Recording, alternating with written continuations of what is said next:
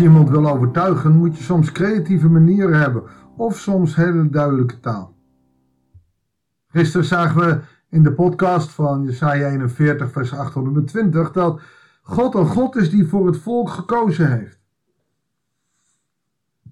En nu in hetzelfde hoofdstuk nog hij zoiets, oké, kom op, we gaan er eens even flink tegenaan.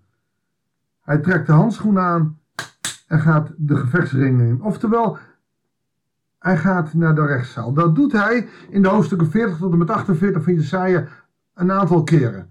Hij wil er een soort rechtsgeding van gaan maken. En dat is waar. Want recht en gerechtigheid zijn heel belangrijk bij God.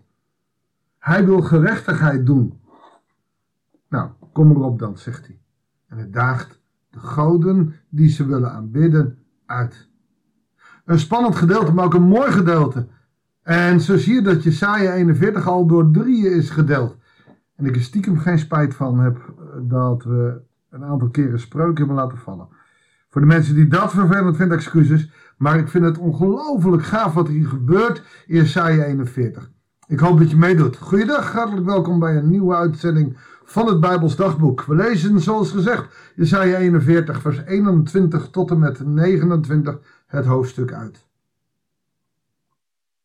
Gisteren heeft hij nog laten horen hoe hij de God van de schepping was en dat Israël dat moest uitroepen. Hij gaat nu de strijd niet aan met de vijanden, maar weer met Israël. Alleen op een beetje sarcastische manier. En ik mag dat wel. En zegt tegen Israël: Voer jullie rechtsgeding, zegt de Heer. Lever overtuigende bewijzen, zegt Jacobs koning. Kom er mee voor de dag en vertel ons wat er gebeuren zal. Vertel ons wat er eertijds is gebeurd, zodat wij de afloop kunnen nagaan. Licht ons in over wat er komen gaat. Kondig aan wat de toekomst zal brengen. Dan weten wij dat jullie goden zijn. Wat hij hier doet, is de goden aanspreken die de Israël binnengehaald heeft. Ik weet niet of je nog kan herinneren. Het was denk ik oktober, november vorig jaar dat we het hadden over één en twee koningen. Hoe zelfs Salomo afgoden binnenliet omdat hij een vrouw had uit een ander land. En er kwam een hele tempel voor die afgod. Spreekt hij daar Israël op aan. Jacobs koning. Hij laat dus even zien dat hij de koning is van Jacob. De naamlegger van Israël. Hij pakt het dus heel scherp aan en hij daagt ze uit. Kom maar. Kan, kunnen deze goden, kan jouw afgod vertellen wat er toen gebeurde? Of, nog belangrijker, wat de toekomst zal brengen? Een heel sterk punt. Hij heeft in het vorige gedeelte laten zien dat hij schepper is van hemel en aarde. De afgoden, stenen beelden, die hebben niks gemaakt. Die, je zou kunnen zeggen, ehm, drijven een beetje mee op het succes van God. Hij heeft alles gedaan en we gaan afgoden gebruiken om, om iets te vereren. Maar ze kunnen ook niets voorzeggen over de toekomst. Het zijn stenen beelden of het zijn beelden in onze gedachten. Het zijn afgoden of het is de verkeerde God, namelijk de Satan. En hij daagt ze enorm uit om die afgoden te gebruiken, maar zij blijven stil. Laat maar op, vers 24. Maar nee, jullie afgoden, jullie goden zijn minder dan niets. Minder dan niets. Dat is heel weinig. Oftewel, je hebt 0 en het is nog eens min. Eh, binnen de wiskunde kan dat, min 1, min 2, min 3. Binnen het geld niet. Je hebt 0 euro, je bent nog minder dan 0 euro. Dat kan niet. Niks, minder dan niks is niks.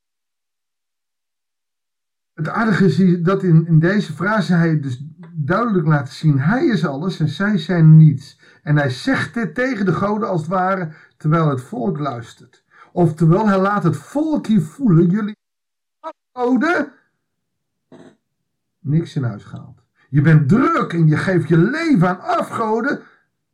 En het is niks. Ik moet denken aan het boeddhisme. Ik ben ooit in Cambodja geweest toen mijn uh, huidige vrouw, toen nog mijn vriendin, uh, daar werkte. En dat ik daar mensen zag die alles over hadden voor Boeddha. Een stenen beeld, die een, een maandsalaris daarvoor over hadden om maar geluk af te bidden. En, en als je dan hier leest, dan, dan moet ik daaraan denken. Boeddha, je bent minder dan niks. Het is een stenen beeld. Het is een filosofie, een theologie van mensen gemaakt. En mensen geven hun leven en alles wat ze hebben aan zo'n God. Jullie daden hebben geen enkele waarde. Verafschuwd wordt ieder die voor jullie kiest. En ik zal je heel eerlijk zeggen, daar horen ook christenen bij. Christenen die een Boeddha-beeld in huis hebben, ach, het doet toch niks. Nee, maar ondertussen is het wel iets waar mensen aan kapot gaan en het stoort me. Maar nog meer is dat we onze eigen ik, onze ego gaan verheerlijken. Ik noem het veel vaker. En dan dat zinnetje. Ze zijn minder dan niks. Jouw ego stelt niets voor. Het is God die in jou moet werken. Jouw eigen ego brengt wellust of macht of strijd of, jaloezie. Of... Maar wanneer we Gods ik in ons leven toevoegen, als we niet ik, maar God in ons zetten, dan opeens is er sociaal leven, is er liefde, is er warmte.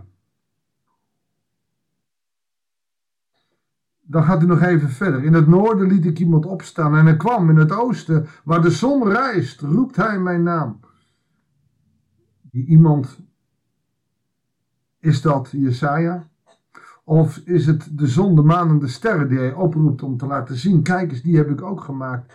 Ik heb ze aan het firmament gezet. En verwijst naar Genesis. Dat is dan wel weer spannend.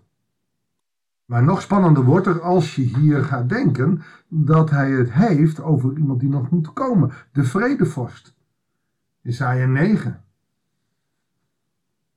En dan wordt het iemand die vertrapt stadhouders als leem, oftewel niet met geweld, maar wel met zijn woorden, met zijn liefde, met zijn charisma. Zoals een pottenbakker de klei treedt. God komt op aarde. Hij laat hem opkomen uit het noorden, oftewel de Messias. En dat is helemaal niet vreemd, want ze verwachten die Messias. En wie heeft hem vanaf het begin aangekondigd? Al in Genesis komt Jezus naar voren. Lang tevoren, zodat wij het wisten. En nu kunnen zeggen, het is waar. Geen van jullie, afgoden, kondigde iets aan. Geen van jullie ligt ons in. Je ziet Jezus, die nog moet komen, in een Genesis ontstaan, in de uh, Jesaja-brieven, uh, ook telkens verkondigd worden als de vredevorst die zal komen. En uiteindelijk komt hij, dan zie je dat oud en nieuw met elkaar verbonden worden. Ik stuurde Jeruzalem een vreugdebode. Ik kijk om me heen, maar er is niemand onder jullie. Zie, ik geen enkele raadgever. Niet één die op mijn vragen kan antwoorden. Het is in de rechtszaal en het blijft stil. Jullie zijn allemaal even armzalig. En jullie daden betekenen niets. Lucht en leegte, wind en leegte zijn jullie beelden. En dan opeens het laatste zinnetje is weer aan de Israëlieten. Jullie hebben afgoden in huis gehaald. En dat is een gruwel in de ogen des Heren. Dus dat die ballingschap bij Jesaja zo lang duurde, komt omdat God echt boos was. Want ze hebben hem vervangen door beelden. En hier gaat hij de strijd aan. Kom maar op. Ik heb voorzegd, ik heb gemaakt, jullie doen niks. En waarom dan toch? Het is ook een soort jaloezie en dat mag ook. Hij zegt ook in Exodus 20, ik ben een jaloers God. Ik wil dat jij voor mij kiest. Waarom? opdat ik dan volledig voor jou kan kiezen. Dus uiteindelijk komt het op onszelf terug. Waarom dan ons ik? Waarom dan onze afgoden?